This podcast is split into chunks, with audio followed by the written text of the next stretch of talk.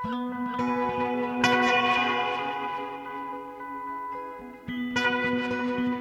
sæl, kæri lustendur. Í viðsjá dagsins fjöllum við um kvikmyndatónlist, slaufunarmenningu og fætur. Hvernig semur maður nýja tónlist við 100 ára gamla bíómynd? Öld er liðin síðan saga borgarættirinnar kom út. Myndin byggir á skaldsögu Gunnars Gunnarssonar sem kom fyrst út í fjórum bindum á dönsku á áranum 1912 til 14. Bækurnar slói í gegn sköpuðu Gunnari mikla fræð og voru fljótlega þýttar yfir á önnur tungumál en Saga borgarættarinnar kom fyrst út á íslensku á árunum 1915 til 18 og ári síðar hófust tökur á kvikmyndinni. Kvikmyndamiðstu Íslands vann stafarana endugerð af myndinni sem sínd var í Bíóparadís á dögunum en tilstendur að taka aftur upp síningar á henni eftir áramót. Þorður Magnússon var fenginn til að semja nýja tónlist við þessa þögglu mynd og hann mætti hingaði vísjá og rætti við Þorgerði Ásu um tónlistina sem nú er aðgengileg á Spotify. Í nýjasta hefti Tímarits Máls og menningar fjallar Eija Margret Brynjarstóttir, profesor í heimsbyggi við Háskóla Íslands, um hugtak sem flest okkar höfum heyrt ansi oft á síðustu missurum, slaufun. Í greininni veltir Eija upp hinnum ymsu spurningum sem geta komið upp varandi hugtakið. Er slaufun nýja nálinni? Er hún óvægin dómstól götunar og er slaufun það sama á refsing án dóms og laga. Eija segir afar mikilvægt að tala um forréttindi í samhengi við slaufun og svo veltur hún því fyrir sér hvort að við lifum við slaufunar menningu.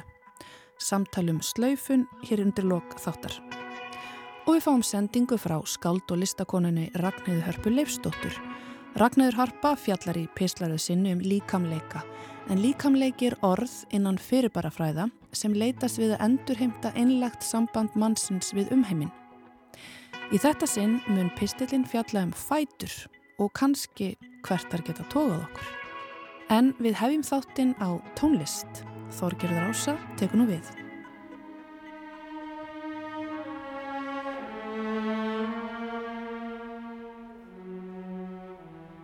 Þetta er flutt af Symfonord undir stjórn Bjarnar Frímans og uh, Þólfundur Bjarni er svona eiginlega vítaminspöytan hérna fyrir norðan og held auðvitað um þetta verkinn með alveg svakalegri snild og gerði miklu meira heldur en held ég að hafi verið tilætlast meðal hann þá fekk hann svona snillingur tónlistarheiminum til þess að mixa þetta og hljóðblanda þar að segja mm -hmm. Steve McLaughlin sem er svona alveg á nokkra hefur mixað marga blockbustera gennum tíðina og uh, þannig að ég myndi segja að hljómurinn er, er alveg sko, í skíjónum með hljóminn. Ég verða að viðkenna það ég er eiginlega bara hann var eiginlega framar öllum vonum sko. Fl flott sound í hljómsveitinni og, og veltekið upp og Bjarni Fríman bara algjört æði. Hingað er komin Þórður Magnússon tónskáld, verður velkomin Takk fyrir það. Við ætlum að tala um sögu borgarættarinnar. Já. Þú samtir nýja tónlist við þessa bíómynd sem er yfir 100 ára gömul, elsta íslenska bíómyndin. Já, eða faktist sé að hún er nefnilega, þetta er dönsk framlegsla, en hún er fyrsta myndi sem er tekin á Íslandi. Akkurat, og, og eftir íslenskan höfund, eða já, bókin. Já, bókin er eftir íslen, íslenskan höfund. Þannig að það kom sérstaklega kveikmyndakrjúf frá Danmörku og tók myndin upp meir og minna hérna. Mm -hmm. Það hafi verið gerð önnur mynd eftir íslenskur bók áður en, en svo mynd hafi verið tekin upp í Svíþjóð þannig að þess, þess er offisíli svo fyrsta sem var tekin hér á landi. Akkurát. Ég kíkta þess á gömlu útgáfuna mm -hmm. og heyrði tónlistina þar. Já. Hefstaldi á austankaldin á á splés. Og... Ok, ég er bara, ég þekki það ekki. Ég... Áhugavert, ég ætlaði einmitt að spyrja þig hvort, hérna, hvernig þú hefði komið sko, að þessu. Uh, já, ég, það var sérstaklega kvikmyndasamni sem hafði upprunlega samband við mig en, en sagt, þetta verkefni er samstarf á milli gunnastofnunar og kvikmyndastofnunar. Kvikmyndasafn Íslands var að ráðast í endurgerðarsærmynd og þá var ég ráðin í það að sjá um tónlistina.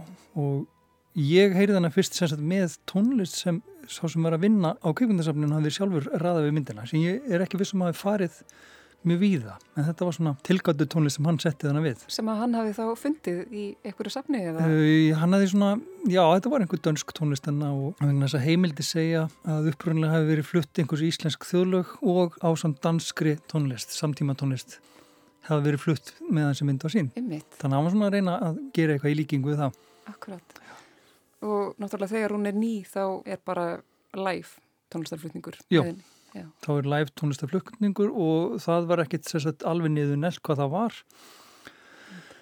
þannig að þetta var svona bara að menn líku bara veist, eitthvað sem þeir fundu og fæfa stemmingunni Umvitt, hmm. skemmtilegt Já. Þannig að þú kemur að þessu verkefni algjörlega ferskur, má segja Já, ég, sko, ég, því ég hafði ekki séð myndina, ég þekkt hann ekki það er bara hýrt um hana og náttúrulega þá var, var maður búin að búa sér til einhverja mynd í kollinum að þetta væri einhver svona að því þetta er svo gammalt á hlítið þetta hafi verið mjög gallað og ekki eitthvað svona sem var kannski ekki alveg neitt stórmerkilegt. En svo sá ég myndina og ég var þeila bara strax tóltið svona hrifin og tóltið hiss á því hvað þetta var í rauninni velgerð mynd. Og hún er svo tæknilega sérst, vel gerða allan hátt sko. Það er öll öll svona dramatík og, og enna, leikur er bara til fyrirmyndar og lýsing sem er eitthvað sem var held kannski að væri í algjörum mólum á þessum tíma. Einmitt. en uh, Það er mikið inn í torfbæ og eitthvað Jú, það er sumt að þess að gerast inn í torfbæ og inn í einhverjum sveitakirkjum og svona. Mm -hmm. en eitt sem ég tók eftir var það að uh, alveg saman hvað þið voru þá flaksaði allt, allt í vindinum hárið hjá fólki hreyðist og svona. Þannig ég átti að mig, já ok, þetta er trikkið, þeir taka sérst myndinu upp bara með sólaljósið þannig að jafnveg þú til séu inn í einhverjum dimmum skúmaskotum í torfbæðin þá er samt lýsingin svo góð. Þetta er kannski bara opið. Já, þetta var bara opið bara í annan endan og bara tók við svona, ég veit ekki hvort að leikmyndi snýri til söðus eða hvernig það var en Einmitt En ég, ég er búin að koma að staði þetta að leikmyndin var reist sagt, bara rétt hjá þar sem ég bý. Nú? Var, leikmyndin var sagt, á Hallvegastík. Já, ok. Hallvegastík og Ingólfsstræti. Einmitt. Hóðinu. það sem gerist þá í borginni? Eða? Það sem gerist sagt, í bæði tórrbæinum og, og í kirkini og ein, einandira. Já. Þannig að leikmyndin var, var allir reist þar. Einmitt. Síðan er einhverja senur sem voru tegna bara í kaupunum. Það er eitthvað átt að gerast þar sko. Akkurat. Já þú horfir á myndina mm -hmm. og bara alveg hljóðlusa þá eða með... Nei, ég horfið á hana þá með þessari, þessari kvikmyndatónli sem maður búið að setja við sem var held ég sett sko fyrir bara ákveði tilipni, hún hefur ekkert verið sínd mjög oft með þeirri tónlist sko, þannig að ég er getur sem mjög margir þekki það. Nei, einmitt. Hann byrjar þannig á uh, einu verk eftir Jón Leifs og Já. svona. Já, ok. En, en allan þá settist ég niður og horfið á myndina uh, með þessari tónlist og byrjaði bara strax að greina hana, veist, klippa hana niður í senur í hugunum, hvar líður langur tíma á milli sena, hvenar eitthvað að gera sérsett bara, hvenar eitthvað sena er bara strax í kjölfæra næsta undan, þannig að ég setti þetta bara upp sem svona litla kassa í, í tölvunum minni, það sem er svona timeline.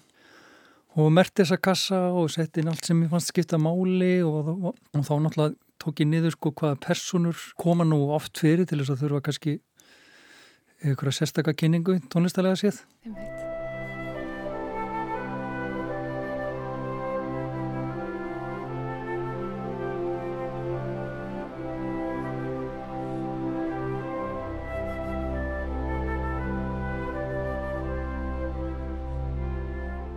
Sko þetta er náttúrulega upprunlega þá tónlist sem var samin sem var þrýr klukkutímar að lengt Já. sem er kannski svona óþægilega langt sem, sem enna tónverk þannig að ég svona klifti þetta svolítið niður í svona minni uh, tók út alla búta þannig að þetta væri svona ekki neinar uh, hann álosnaði eiginlega við allar enduterningar og svona þannig að og þurfti stundum að gera ný klipp svona til þess að þetta myndi make a sense musicals þannig að auðvitað kalla myndin alltaf á einhverja frammyndu í músikinni sem er ekki kannski endilega það sem tónlisti vill gera mm -hmm. en þannig að ég er búin að klippa þetta aðeins til þannig að núna á þetta svona geta fungerað sjálfstætt Mælur með því að fólk hlusti í réttri tímalínu eða má stokka? Það má, já, já, það má stokka sko, þetta er ekki, tímalínan á tónlistin er bara nokkurt veginn eins og þetta kemur fyrir í myndinni og uh, þetta er góð spurning og þetta er í rauninni ekki mjög músikalsk, getur við sagt, uppröðun. Nei. Ég bara fylgdi myndinni. Ef ég, ég hefði þurft að leggja staðins betur honi, þetta til þess að búa til einhverja mjög músikalska uppröðun. en, en það er njögur búin að segja mér þetta, hafi hlusta á þetta sjöfful og hafi bara alveg, þetta hafi alveg virkað þannig. Já.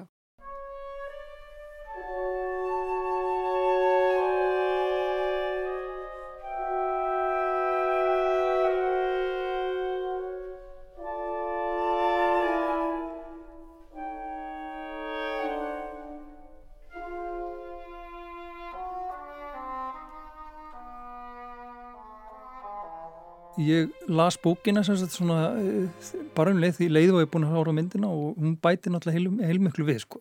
Mm -hmm. Bækur yfirleitt fara einhvern veginn dýbra í öll smáadrið og maður skildi svona sund aðeins betur. Þannig ég mæli náttúrulega með bókinni líka. Kvikmyndir eru kannski oft einmitt svona skuggar af, af bókum. Já, þetta, ég, eins og ég segi þá er þetta mjög góð mynd en, en, en, sko, myndir sem eiga gerast ofta á lungum tíma skilur við, bækur virka svo eðlilega þegar þau gerast á 10, 15, 20 árum Mm -hmm. en myndir eiga alltaf, ég er smá erfileikum með þetta Já, veit. mm. Hvaða lag samt eru fyrst? Uh, Hvað samtíði fyrst? það er nefnilega nákvæmlega akkurat það síðasta í myndinni sem ég samtíði fyrst. Og það var í rauninni ekki samtíði vegna þess að það var, þetta var útsetning á Liljulæginu. Já, og það var það allra fyrsta sem ég gerði. Er það... Það er sérstaklega al, Guð, almáttugur Guð allra stjætta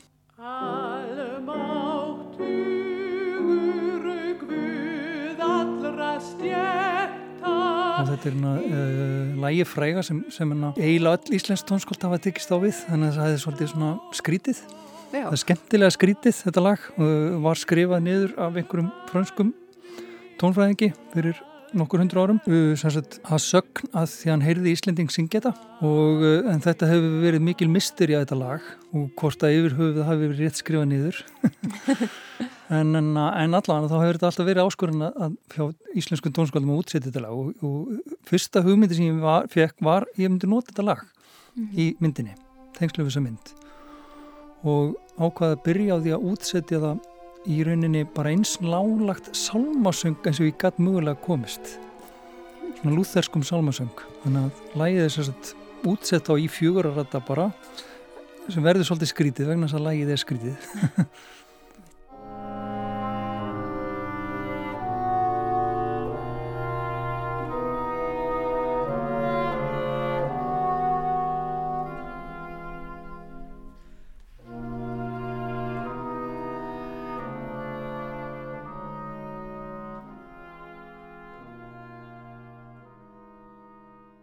eru fleiri lög sem þú nýtir sem innblástur? uh, Já, þetta er, er svolítið mikið um músík sem ég er að taka hérna og það og vinna með Mhm. uh, náttúrulega ég nýti þetta liljulag mjög mikið síðan náttúrulega í bókinni er talað um eitt ákveðilag sem er allt eins og blómstrið eina sem er sagt frá í bókinni að þessi sungi hann við eitthvað tilefni af mönnunum í sveitinni og þá fekk ég mitt þessa hugmynd náttúrulega allt eins og blómstrið eina hljómaði ekkert eins og við þekkjum það núna á þessum tíma og mér tókst að grafa upp upptöku af, af einhverjum gömlum bónda að syngja.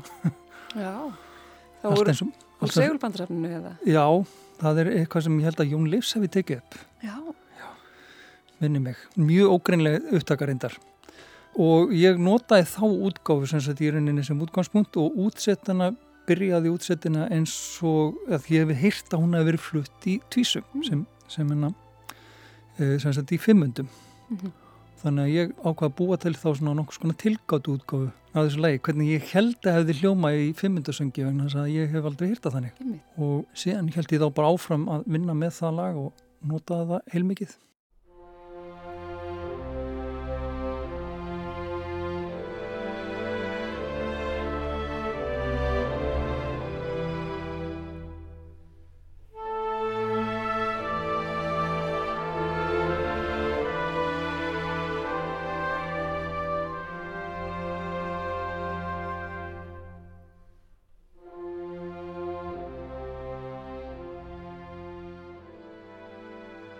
Sérðu fyrir þér að taka þér annað svona verkefni?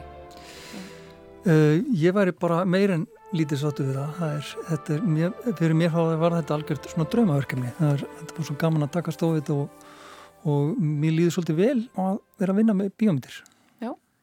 uh, það hjálpa mér svo mikið mm. Þetta er fyrsta sinn sem þú gerir uh, Ekki alveg, ég hef gert ég er endur, ég, þannig ég myndi ekki upplöfum sem kveikmynda tónskáld en allan ekki en þá en ég hef gert einu sinni mynd, tónlist við heimildavind þetta er Ástíðsir Tóruðsson Súðbyrðingur og svo hef ég einu sinni gert smá leikústónlist Þetta er kannski ósangjört spurning en er eitthvað lag í uppáhaldi á þér? Um, já, hvað ég segja?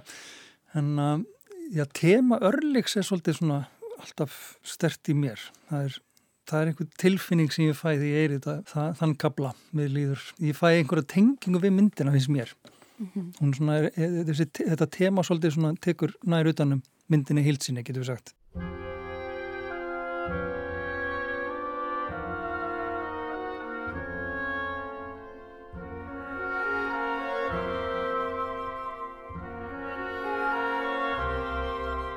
En þetta er eins og, eins og nafnið á kaplanum gefið til kynna þá er þetta sagt, uh, laglína sem örlegur sem er fadurinn sem ég þá laglína ég samti fyrir hann og hún á sagt, að lýsa honum. Hann er svolítið göfugur og, og hana, gafmildur og stóri sniðum og daldið svona harður í hóttan að taka líka sko þannig að þessi laglína á að fanga það allt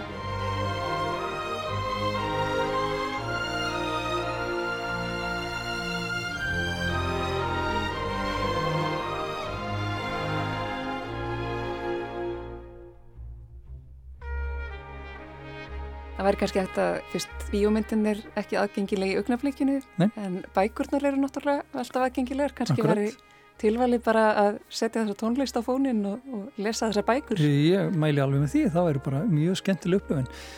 Ah. Takk kærlega fyrir komina í Víðsjó. Já, bara takk fyrir sem les að taka mótið mér.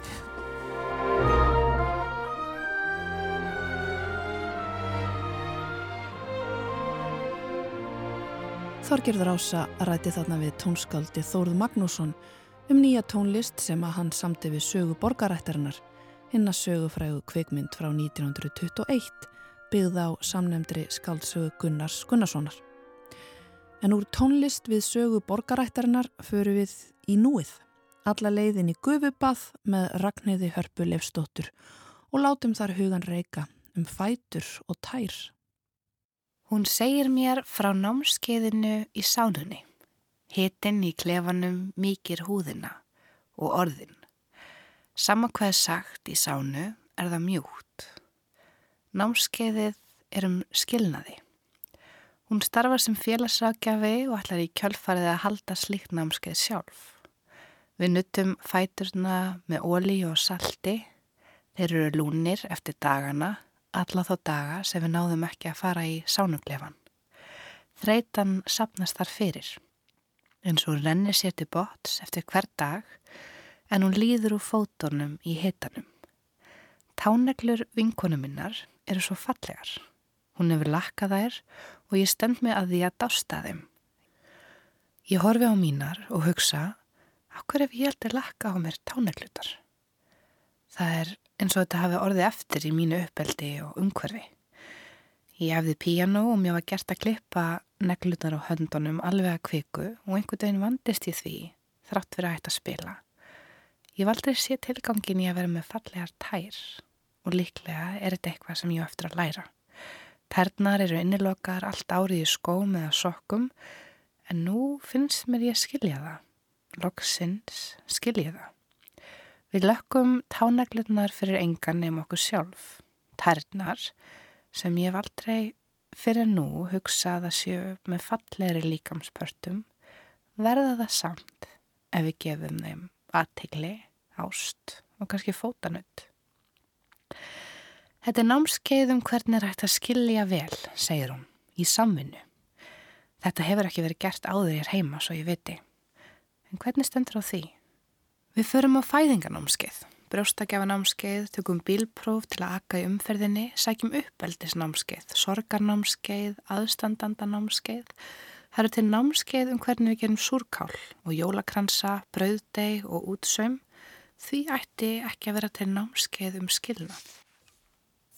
Hún segir að flytja, skilja og missa ástvinn. Þetta þrengt er talið valda manneskjunni mestu streitu á lífsleðinni. Þetta eru erfiðustu verkefnin.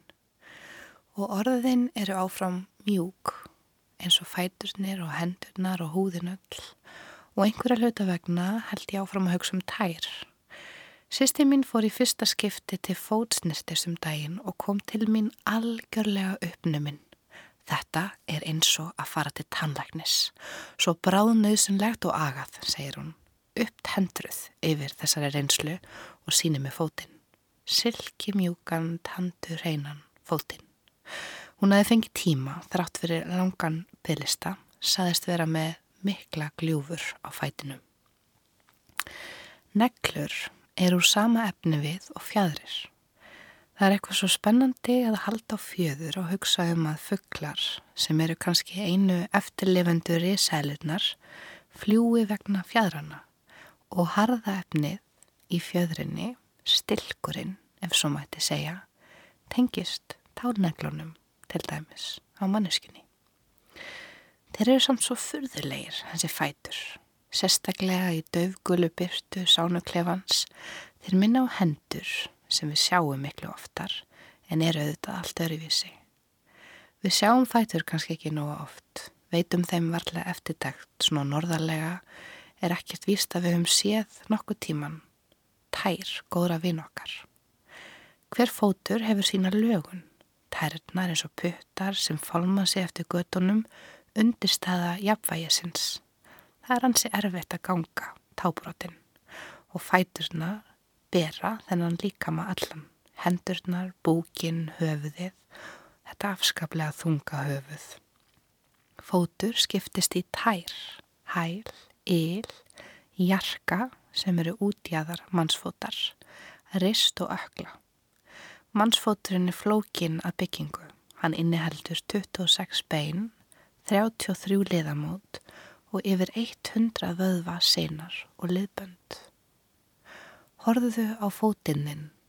Röttin ljómar í minninu, jókakennarinn sem hefur teikt og beitt líkamann beinir öllum yðgöndunum að taka eftir fótonum á sér. Veittunum eftirtækt, segir hann. Hann berði alla daga. Pældu í því hvaðan er magnaður, segir hann. Í fætinum eru punktar sem tengjast öllum líkamannum. Þessi nýrað. Og hér, segir hann, og ídra á annan stað, hjartað. Tærnar mínar eru sumar krumpaðar eftir árin sem ég aði fóbalta og þó þegar ég sé tær svona mín sem er þryggjara teki eftir þessum sömu krumpum og veldiði fyrir mér hvort þar hafi bara alltaf verið svona. Dóttir mín er alveg að læra að skrýða og fæturnar hennar hafa aldrei bórið neitt þunga. Þeir eru eins og óskrifa blað, mjúkir. Amma hennar heldur um þá og segir hvert munu þessi fætur beraði um lífið? Í hvaða ævintýri ætlar þú að halda? En það er ekki mikil virðing borin fyrir fótum og ég, sjálf segum þetta, veldi því fyrir mér af hverju. Það er eins og því ofar sem þú ferð í líkamannum því mikilvægari verður hann og fallegri. Höfuðið trónir efst, heilin yfir hjartanu, allt leitar upp. En er þetta ekki bara ennanar miskilningur? Hvað með ræturnar sem halda trjánum nýri, sækja næringuna en eru okkur ósynilegar? Eru tærnar ræturnar okkar sem halda höfðinu uppi ekki síður en ryggsúlan? Ber okkur allt sem við ætlum okkur í öll þau hverstaslegu æfintýri sem leita á okkur? Ætli þetta sé eitthvað að gera með moldina eða söguna? Að ganga eftir strætum skítuðrar borgar ganga niður moldu að stíga að órenga ekki heimilið með að setja fætur upp á borð. Þeir eru næst götunni, moldinni, jörðinni. Það væru ekki trí án róta, ekkert líf án moldar og við, þó við gætum verði án fóta, þökkum svo innilega fyrir að eiga þá að. Ég er að hugsa um að snúa þessu við, allavega hjá sjálfur mér, breyta hýjarkíu líkamanns, setja þetta fyrir nefnd Sólinn trónir efst en moldin er undirstaða lífs. Líka. Fæturnir undirstaða. líkamanns. Þeir eiga skilið miklu meira en að vera lokaðar inn í sokkum allan daginn, taldir furðulegir, óreinir.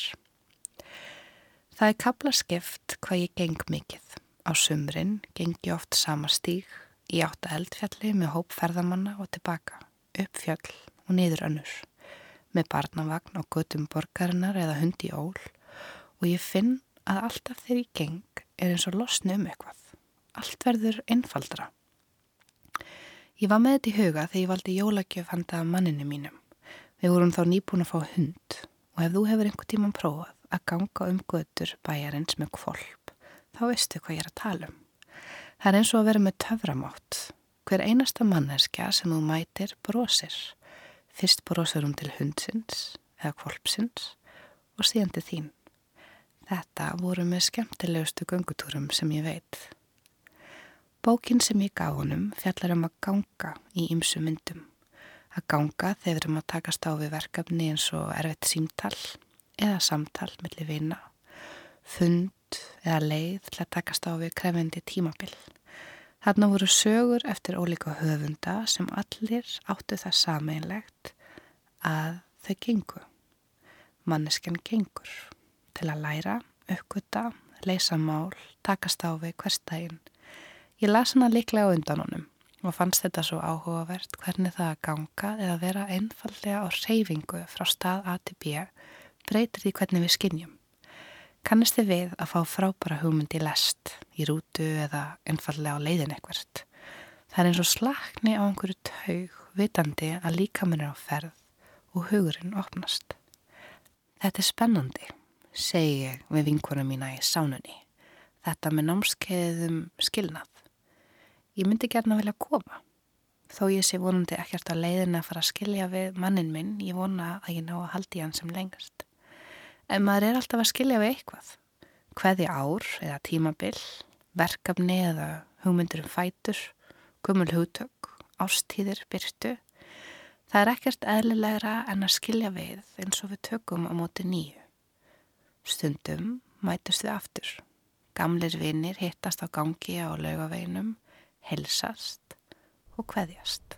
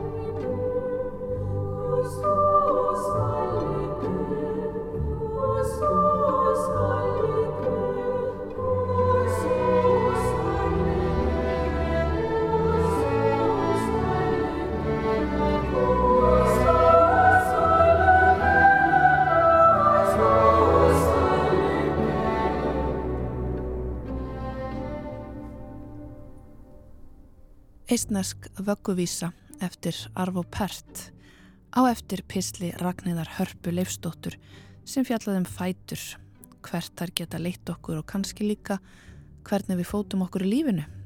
Alltaf gott að tala um hjartans mál í guðubadi. Arvo Pert saði vist eitt sinn kannski í guðubadi, hver veit, að vögguvísur væru eins og brot af paradís, örlítil huggun með vott af dýft og innileika. Og þessa tilteknu eistnesku vögguvísu saðist hann hafa samið sérstaklega fyrir barnið í okkur öllum. En frá tásum í gufubadi, brot af paradís og barninu í okkur öllum förum við á allt annan stað, beinustu leið inn í samfélagsumræðu dagsins í dag. Í nýjasta hefti tímarits Máls og menningar fjallar Eija Margret Brynjastóttir, profesor í heimsbyggi við Háskóla Íslands, um hugtak sem flest okkar hefum hyrt oft síðustu misseri, slaufun. Í greininni veldir Eija upp hinnum ímsu spurningum sem geta komið upp á varandi þetta hugtak. Er slaufun nýja nálinni, er hún óvægin dómstól götunar og er til eitthvað sem kallast slaufuna menning. Eija leitt við hér í Vísjaði morgun og svaraði nokkrum spurningum um slaufun. Svo fyrsta, hvað er slaufun? Slaufun er, já, þetta er náttúrulega þýðing á því sem að hefur verið kallað cancelled á ennsku, en slaufun er þegar einhver sem hefur haft uh, svona ákveðin status í samfélaginu, hefur haft uh, notið áheirnar, uh, hefur fengið aðtigli út á störf sín eða, eða eitthvað slíkt og, og er þannig í svona góðri eh, stöðu í rauninni, missir þessa stöðu vegna þess að e, vegna viðbrað samfélagsins í rauninni við einhverju sem hann hefur sagt eða gert. Mm -hmm, en er slaufun þá það sama á útskúfun? Sko, slaufun getur falið í sér útskúfun en, en eh, hún þarf ekki endur útskúfun er kannski orð sem við notum svona þegar einhver verður fyrir svolítið svona já, mikill í útilokun og, og kannski á fleiri en einum uh, vettvangi, einhver sem bara fær ekki að taka þátt almenlega í samfélaginu mm -hmm. og uh, slaufun þarf ekki endilega að fjalla það í sér kannski snýst hún bara um að, að, að útiloka við komandi frá einhverjum einum vettvangi eitthvað, mm -hmm. eitthvað slíkt mm -hmm. Einmitt og oftar en ekki þessi slaufun sem við erum að tala um núna í samfélaginu oftast þá snýr hún að einstaklingum einmitt sem að hafa svið eða rött í fjölmjölum til dæmis. Þannig að það vera kannski útalöka frá einu vettvangi en ekki öðrum. Og þar kemur inn á þetta með forréttindin, ekki satt? Og það er ekki hægt að tala um þetta á þess að aðskilja þetta tvent Einmitt, já, já, í rauninni, af því að ég held að slaufun feli í rauninni alltaf í sér einhvers konar tap á forréttindastöðu. Mm. Uh, við tölum ekki, við segjum ekki einhver hafi verið slöyfaður ef það er einhver, einhver sem er í, í mjög slæmri stöðu og, og, og, hérna, og er bara í einhverju ömulegri vinnu eða einhverju vinnu sem að félur ekki eitt sérstakt vald eða eitthvað svo leiðis og missir svo vinnuna. Við köllum það ekki slöyfun. En, en þetta snýst alltaf um að einhver sem hefur verið í sviðsljósinu eða, eða haft eitthvað svona mm -hmm. samfélagslegt vald e, tapar mm -hmm. þeirri stöðu. Einmitt, þetta snýst bara um að halda í völd í rauninni. Já, í rauninni sko. Mm -hmm. og, og, og þá eru náttúrulega þessar spurningar um, um hvað e, hversu rángmætt er það endilega að einhver tapi forréttundastöðu sinni sem er kannski staða sem að er kannski heilmikil samkeppnu um og öðru fólki sem getur gert það sama eða eitthvað svipað mm -hmm. en viðbröðin við slaufun geta oft verið uh, þannig að það, að, að það sé verið að taka eitthvað, einhver réttindi af viðkomandi og, þá, og oft er þetta þá náttúrulega einhverju sem eru va, bara vanir því að að vera í forreindastöðu og að, mm -hmm. að uh, fá ekki samfélagi upp á móti sér. Mm -hmm. Þú talar aðeins um forreitindi og hvað þetta hugtak þýðir og hérna og bendir á áhugaverðan punkt sem við kannski erum ekki alltaf meðvitið um það er þetta með sko að forreitindi er ekkit enda slæm í sjálfum sér. Og í rauninni þú veist það sem að þau forreiti til dæmis að hafa rött í samfélaginu er bara jákvægt en það sem að gerir það slæmt er það að það er ekki jöfnur og það er ekki allir sem hafa þessa rött. Emmitt og, og ég svona reyni að, að sko greina þennan á milli forréttinda og forréttinda stöðu að því að forréttindi geta auðvitað líka verið eitthvað sem er mjög ránglátt eins og mm -hmm. ef, að, ef að ég þarf aldrei að taka afleðingum gerða minna að því að, það, að, því að ég nýt einhverja sérstakrar verndar eh, af einhverju valdaklíku mm -hmm. þá, þá er það auðvitað eitthvað sem að er slæmt í sjálfu sér en, já, en ef þetta snýst bara um það að það sé hlustað á mig þegar ég tala eða þá er það auðvitað ekki slæmt í sjálfu sér en það sem er slæmt er að, að það njóti að, að það sé ekki allir sem njóti þess. Akkurat.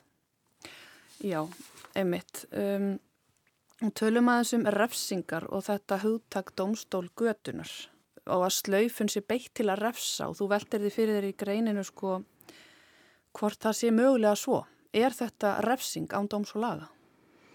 Sko, slaufun getur auðvitað fallið í sér refsingu og, og, og það getur auðvitað vel verið, ég menna þegar fólk reyðist til dæmis, þá kannski óskarðað e, þeim sem það reyðist bara einhvers íls eða eitthvað þannig og, og sjálfsagt geta sumir verið í einhverjum hemdarhug eða eitthvað svo leiðis en, en En svo er þetta auðvitað spurning um sko hvað er refsing, er það er, er refsing, uh, tilgangur refsingar getur verið svo mismunandi, er verið að beininlis reyna að gera einhverjum ílt þannig, þannig að hann finnir til? Mm -hmm. eða snýst refsingin bara um að útilokan frá einhverju í samfélaginu vegna þess að hann er talin vera skadlegur þar?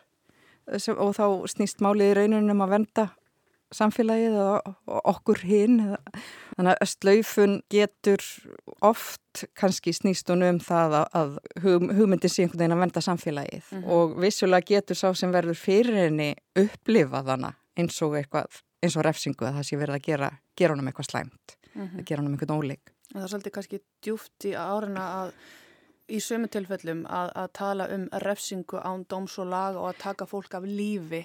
Já, ég myndi sko, sjá, já, já, já ég, myna, ég veit ekki til þess að neitt hafi verið tekinn af lífi eh, hér eh, nýlega vegna skoðana sinna eða hegðunar einu sinni þannig en, en hérna og, og, og það er einmitt nokkuð sem ég held að skemmi mjög mikið fyrir þegar verið að nota svona ígjur eins og að tala um að taka einhvern á lífi, það er ekki verið að taka einhvern á lífi og ef við ætlum að tala um þetta á einhverju alvöru þá verðum við að tala um það sem er raunverulega verið að gera mm. og uh, því að þetta verður svo, svona mikil æsingur sem fylgir auðvitað vill enginn láta taka einhvern á lífi, það, það er ekki það sem er verið að tala um mm -hmm. og, mhm. og, og það sem við viljum skoða er hvort það sem á sér stað sé, séu sangjörn eða réttmætt viðbröð við því sem, mm -hmm. hefur, sem viðkomandi hefur gæst segur um. En, en varðandi þetta með sko refsingar ándóms og laga og hvernig, hvernig er tekið á þessu að slaufa fólki, í rauninni er sko, það þarf ekkert umboð lagana til að til að til dæmis að neyta manneskjum að stíka á svið eða, eða ég til dæmis ef ég held ammaliðsveistlu þá ákveð ég hverjum ég býði þessa veistlu og ég þarf engin lög á baku það ákveðun. Einmitt, einmitt, já og það er einmitt kannski það sem við þurfum að átt okkur svolítið betur á þetta með að, að það, það, það eru náttúrulega ákveðna refsingar og ákveðin svona refsirammi og svolítið sem, sem að er innan dómsviðsins og, og, og stundum leitu við til dómstóla með einhver mál og, og svo framvegis. En, en það er náttúrulega alls konar hluti sem tilheyra félagsleiri hegðun sem að er ekki formlegir endilega og þar sem að fólk vissulega mætir alls konar afleðingum af eh, gerðum sínum. Ég segi eitthvað sem særir fjölda fólks og, og eh, þá rapa ég í áliti og, mhm. og, og það er ekkert eitthvað sem á sér staðinan einhverja domstóla heldur bara mm -hmm. það að við höfum alls konar skoðanir á öðru fólki og því sem það gerir það er bara hluta því að við erum samfélagi og eh, og það í rauninni þýðir það líka að það er mjög erfitt að, að setja einhverja reglur til dæmis um það hvort og hvenar megi slaufa eða eitthvað svoleiðis að því að þetta snýst svo mikið um það bara að fólk hafi ákveðnar skoðanir á því hverja það vilji hafa í mhm. einhverjum ábyrjandi stöðum og í valdastöðum og svo framvegis. Og það er náttúrulega ekkert nýtt við það. Við náttúrulega höfum verið öldum saman þá er fólk að dæma hvert annað og fella dóma og, og við fellum dóma um alls konar hluti á hverju meinast ofta á dag og þeir eru sjálfsagt mismunandi sem eru sangjarnir og aðrir eru réttmættir, eh, nei aðrir eru óréttmættir mhm. -huh. og uh, við getum ekki banna fólki að gera það. Mhm. -huh. Einmitt, það er þetta félagslega taumhald sem þú talar um í greininni. Einmitt. Og þú bendir líka á áhugaverðan punkt sko að þessi atriði sem eru lögleg eins og það að vil ekki bjóða ykkur í mjamalsitt mm. eða finnast ykkur leðilegur og eru oft talin vera aftaka án dóms og laga og eru mjög gaggrind en á sama tíma þá er aktivistum sem beita sér gegn alveru ofbeldi oft hótað ofbeldi og það er í alverunni bókstarlega ólöglegt að e hóta ofbeldi. Emmi, það er náttúrulega bókstarlega, já það er bókstarlega ólöglegt að hóta ofbeldi og hvað þá að láta verða af því mm -hmm. sem er ákveðin svona og það er í rauninni verið að svona láta aktivistana lifa í einhverju hræðslu við það að kannski var þessi hótun í alvöru. Mm -hmm. Og það er kannski hérna kjarni málsins, hversu öfusnúið þetta er að því að eins og þú bendur á þá tengist þetta náttúrulega forréttundum. Uh, þeir valda meiri og þessir ósnertanlegu sem þú kallar mm. í greininni eru skindilega komin í sæti þeirra sem að vanalega uh, hafa ekki rött. Þannig að það snýst við hlutverkið og þeir sem að hafa rött eru útskúfaðir eða slaufaðir og, og það verðist bara vera að við sem samfélag eigundaldi erfitt með að fóta okkur í þessum aðstæðum og vennjast þessu þessu hvernig hlutverkinn snúast við. Já, ég held það og það er náttúrulega þessi tilnefing til þess að hafa svo mikla samúð með þeim sem eru, hafa verið fyrirmyndir, hafa verið í valdastöðum og þá, já, þá verður það eitthvað erfitt fyrir mm -hmm. samfélagið að horfast í augu við það að, að það sé kannski bara ekkit sjálfsagt að þessi, mm -hmm. þessi þarna sem hefur haft mikil völd að hann haf, hafi þau ekki lengur. Mm -hmm. Einmitt, þar komum við inn á það sem að þú er einmitt líka áðurrætt í fjölmjölum sem er uh, þetta með gerenda meðverknina og hannúðina. Einmitt, já, já. sem að við erum svona að læra inn á. Einmitt, já, og það kemur einmitt mikið við sögu þarna að, að það verður þegar að það verður svo, við, við eigum eitthvað svo erfitt með að, bara sitja hjá og, og, og horfa á það að einhver sem hefur í rauninni misbytt valdi sínu uh, þurfi að taka afleggingum þess og við finnum mm -hmm. sársökan svo stert og, og gleymum þá kannski um leið þeim sem hafa orðið fyrir ofbeldi eða, eða yfirgangi af, af hans hálfu. Mm -hmm. Þú veldi mikið fyrir þér hugtakinu þetta með refsingarnar og, og að vera saklaus unnsagt er sönnuð og, og bendir á algenga miskilling í rauninni varandi þetta hugumtak að vera saklaus unnsagt er sönnuð að því að í rauninni er engin bókstaflega saklaus, unnsagt er sönnuð. Dómur í réttarsal gerir ekki eitthvað segan eða saklausan, heldur er það aðtapnir mannsins. Emmitt, emmitt og, og, þetta er, og þetta er kannski eins og að sé svolítið verið að stýtta sér leið þetta með, þegar verið að segja saklausun sektir sönnuð, það sem máli snýst í rauninni um er að Eh, við eigum í augum lagana að skoðast sem saklaus, uns sekt okkar hefur verið sönnuð og eh, sem er auðvitað mikilvæg eh, regla í réttaríki en það þýðir auðvitað ekki að við séum bókstaflega saklaus því að þá, ef svo væri þá ætti vantarlega ekki að dæma okkur seg í neinu tilfelli. Og, og ég meina, ef, ef ég bríti eitthvað af mér þá er ég þar með orðin seg og svo getur mhm. verið allur gangur á því hvort ég hlít dóm fyrir það eða ekki og fyrir eftir ímsu hvort að text sanna að ég sé seg og, og það náttúrulega getur verið í báðar áttir. Það, það er auðvitað mjög oft sem einhver sem er í rauninni segur er samt síknaði fyrir dómi vegna þess að það er ekki nægar sannanir og, og þá skoðast hann sem saklus í augum lagana þó að hann sé raun segur en, en svo þekkjum við auðvitað dæmum hitt líka fólk sem er raun saklust uh, hefur hlotið dóma. Akkurat og það eru þetta vantraust á kerfinu kannski sem að líka verður til þess að þetta verður ennþá erfiðara svæði að ræða. Já, það er það og náttúrulega eh, sérstaklega í sam, sambandi við sko, kynferðisbrotin mm -hmm. þar sem náttúrulega er af góðri og, og gildri ástæðu full, mikið vantraust á kerfinu og að, að dómskerfið höndlar þau mál bara ekki vel og, og mun sennilega aldrei gera jafnvel þó að það símislegt kannski hægt að bæta þar að þá er kannski almennt mjög erfitt einmitt að sanna slík brot og, og það verður eflaust alltaf þannig að það er ekki nema brot af kynfyrirsbrotum sem er í rauninni hægt að fara með fyrir dóm og hvað þá að, að mhm. sakfella einhvern fyrir. Þannig að, að það, já, það er náttúrulega svona dæmi um þar sem að verum í rauninni me, meiri hluti, hluti málana og, og eins og er núna mikil meiri, meiri hluti málana sem fara aldrei fyrir dóm. En, en þau eru auðvitað alveg jafn raunveruleg fyrir því. Mm -hmm. Auðvitað. Við eigum, eins og þú segir, líka rétt á að teljast saklaus uh, fyrir lögunum, en við eigum alls engan rétt á því að fólki út í bæ líki vel við okkur. Nei. Það er ekki, við eigum ekki tilkall til þess. Emmitt, við getum ekki heimta það og, og, og, og hvað þá að, að við séum sko vinsæl eða fáum að, að vera einhvern veginn í sviðsljósunum með einhverjum hætti sem flesti fá ekki, mm -hmm. að, að þá erum við í rauninni uh, að fara fram á einhver forréttindi ef, ef við ætlumst til þess að við fáum það. Mm -hmm. Getur við talað um slaufunar menningu sem einhvers konar enginni okkar tíma? Er, er við að lifa einhverja sérstakar slaufunar menningar tíma núna?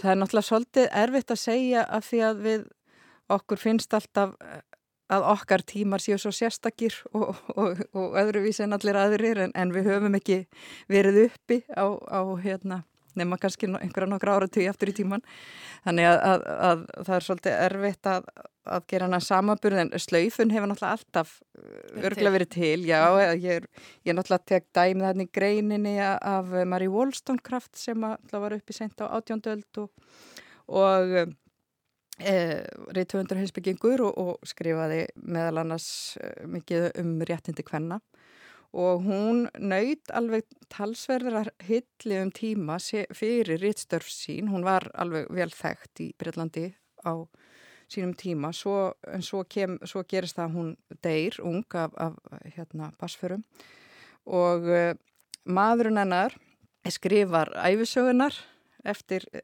andlátennar í, í sinni sorg og dregur þar ekkit un, undan. Og það kemur fram að hún hafi nú verið búin að lifa svolítið skrautlegu lífi, hún átti til dæmis uh, eldri dóttur sína utan hjónabands og átti einhverjum ástasambundum og, og svona og, og þetta allir mikillir neykslan og svo mikillir að uh, það var í rauninni bara tabu að lesa uh, verk Mari Wollstonecraft næstu öldina. Henni var bara sleifað. Já, henni var algjörlega sleifað sko. Já og í hundra ár.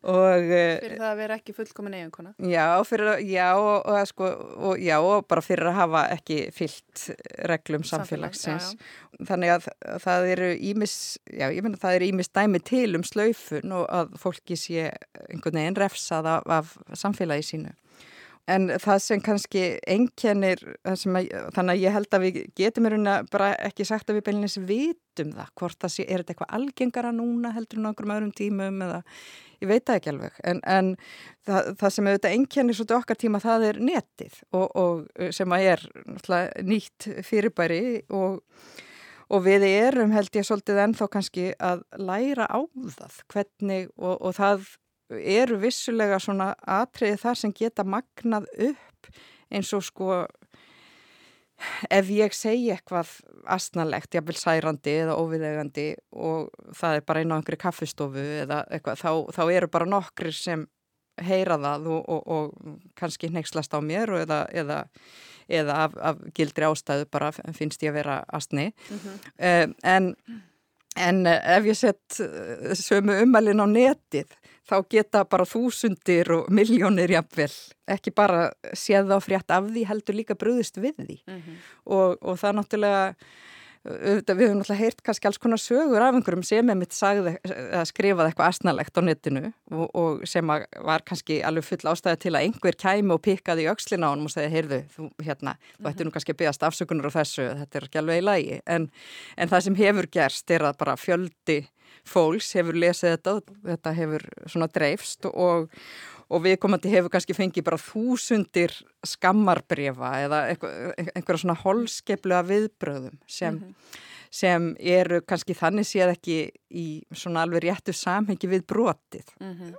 Viðbröðin verða mjög ykt og gerast mjög rætt. Emmitt. Það er ekki þannig að ein manniska skrifi bók nokkrum árum síðar og svo þarf hún að fara í prent og dreifast um all landið. Þetta gerist Einmitt. bara á fimm minútum. Emmitt og, og, og fólk náttúrulega segir oft eða skrifar eitthvað sem er vanhugsað eða í einhverju af því að það er náttúrulega munurinn á því þegar við erum að spjalla saman á kaffistofunni þá segjum við alls konar hluti sem við kannski erum ekkert búin að hugsa til enda -huh. en, en uh, þegar við erum að skrifa á neti þá erum við kannski, þá getum við verið að gera það sama, líka skrifa eitthvað sem við erum -huh. ekki búin að hugsa til enda og það bara dreifist út um allt og, og það og það er náttúrulega bara svolítið erfitt að eiga við þetta. Við þurfum aldrei mikið að vanda okkur bara.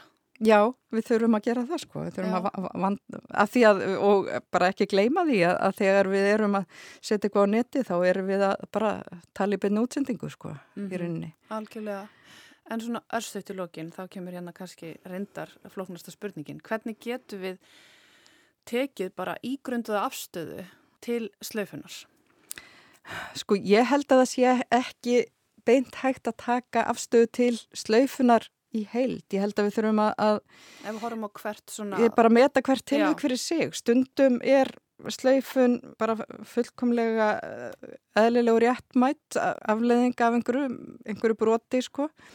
En um, stundum náttúrulega fellir almenningur ránglóta dóma, er kannski of fljótfæri dómum sínum og svona og, og, sem, og það er náttúrulega svolítið erfitt að ætla einhvern veginn að koma inn í það og segja fólki að, að skiptum skoðun en, en, en það er náttúrulega bara eitthvað sem við þurfum öll að hafa í huga bara að vanda okkur.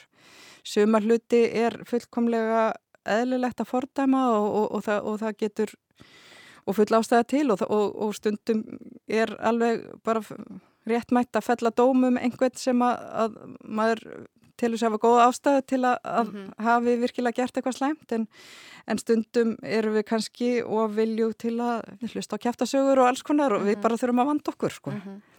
En það virðist svona allavega mín upplöfun á þessari grein er svo að við þurfum að vanda okkur en við þurfum líka kannski bara að uh, hlusta þetta vel hvaðan kemur gaggrinnin Einmitt. og uh, spilar, spila forréttind inn í hvernig er verið að gaggrina og hvernig Já, þess að taka stöðu fólks vel til greina. Já, það, einmitt, það, það skiptir líka máli sko að, að um, er, er þetta einhver sem hefur lítið vald sem er að gaggrína einhvern sem hefur uh, meira vald sem getur verið bara mjög erfitt og, og viðkvæmt og, og, og uh, fólk gerir yfirleitt ekki, það þarf talsast húr ekki til þess eða er þetta, er þetta einhver hópur sem hefur mikið vald að reyna að þakka niður í einhverjum sem hefur lítilvöld og, og þannig að það er náttúrulega þessi valdahlutvöld í samfélaginu sem við þurfum að vera meðutuðum.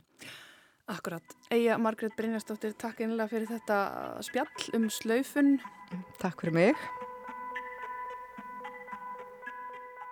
Takk fyrir það. Eija Margret Brynjarsdóttir, professor í heimsbyggi við Háskóla Íslands. Og hér látu við staðurnum í dag Við sjáum lokið að sinni, takk fyrir að lusta og verið sæl.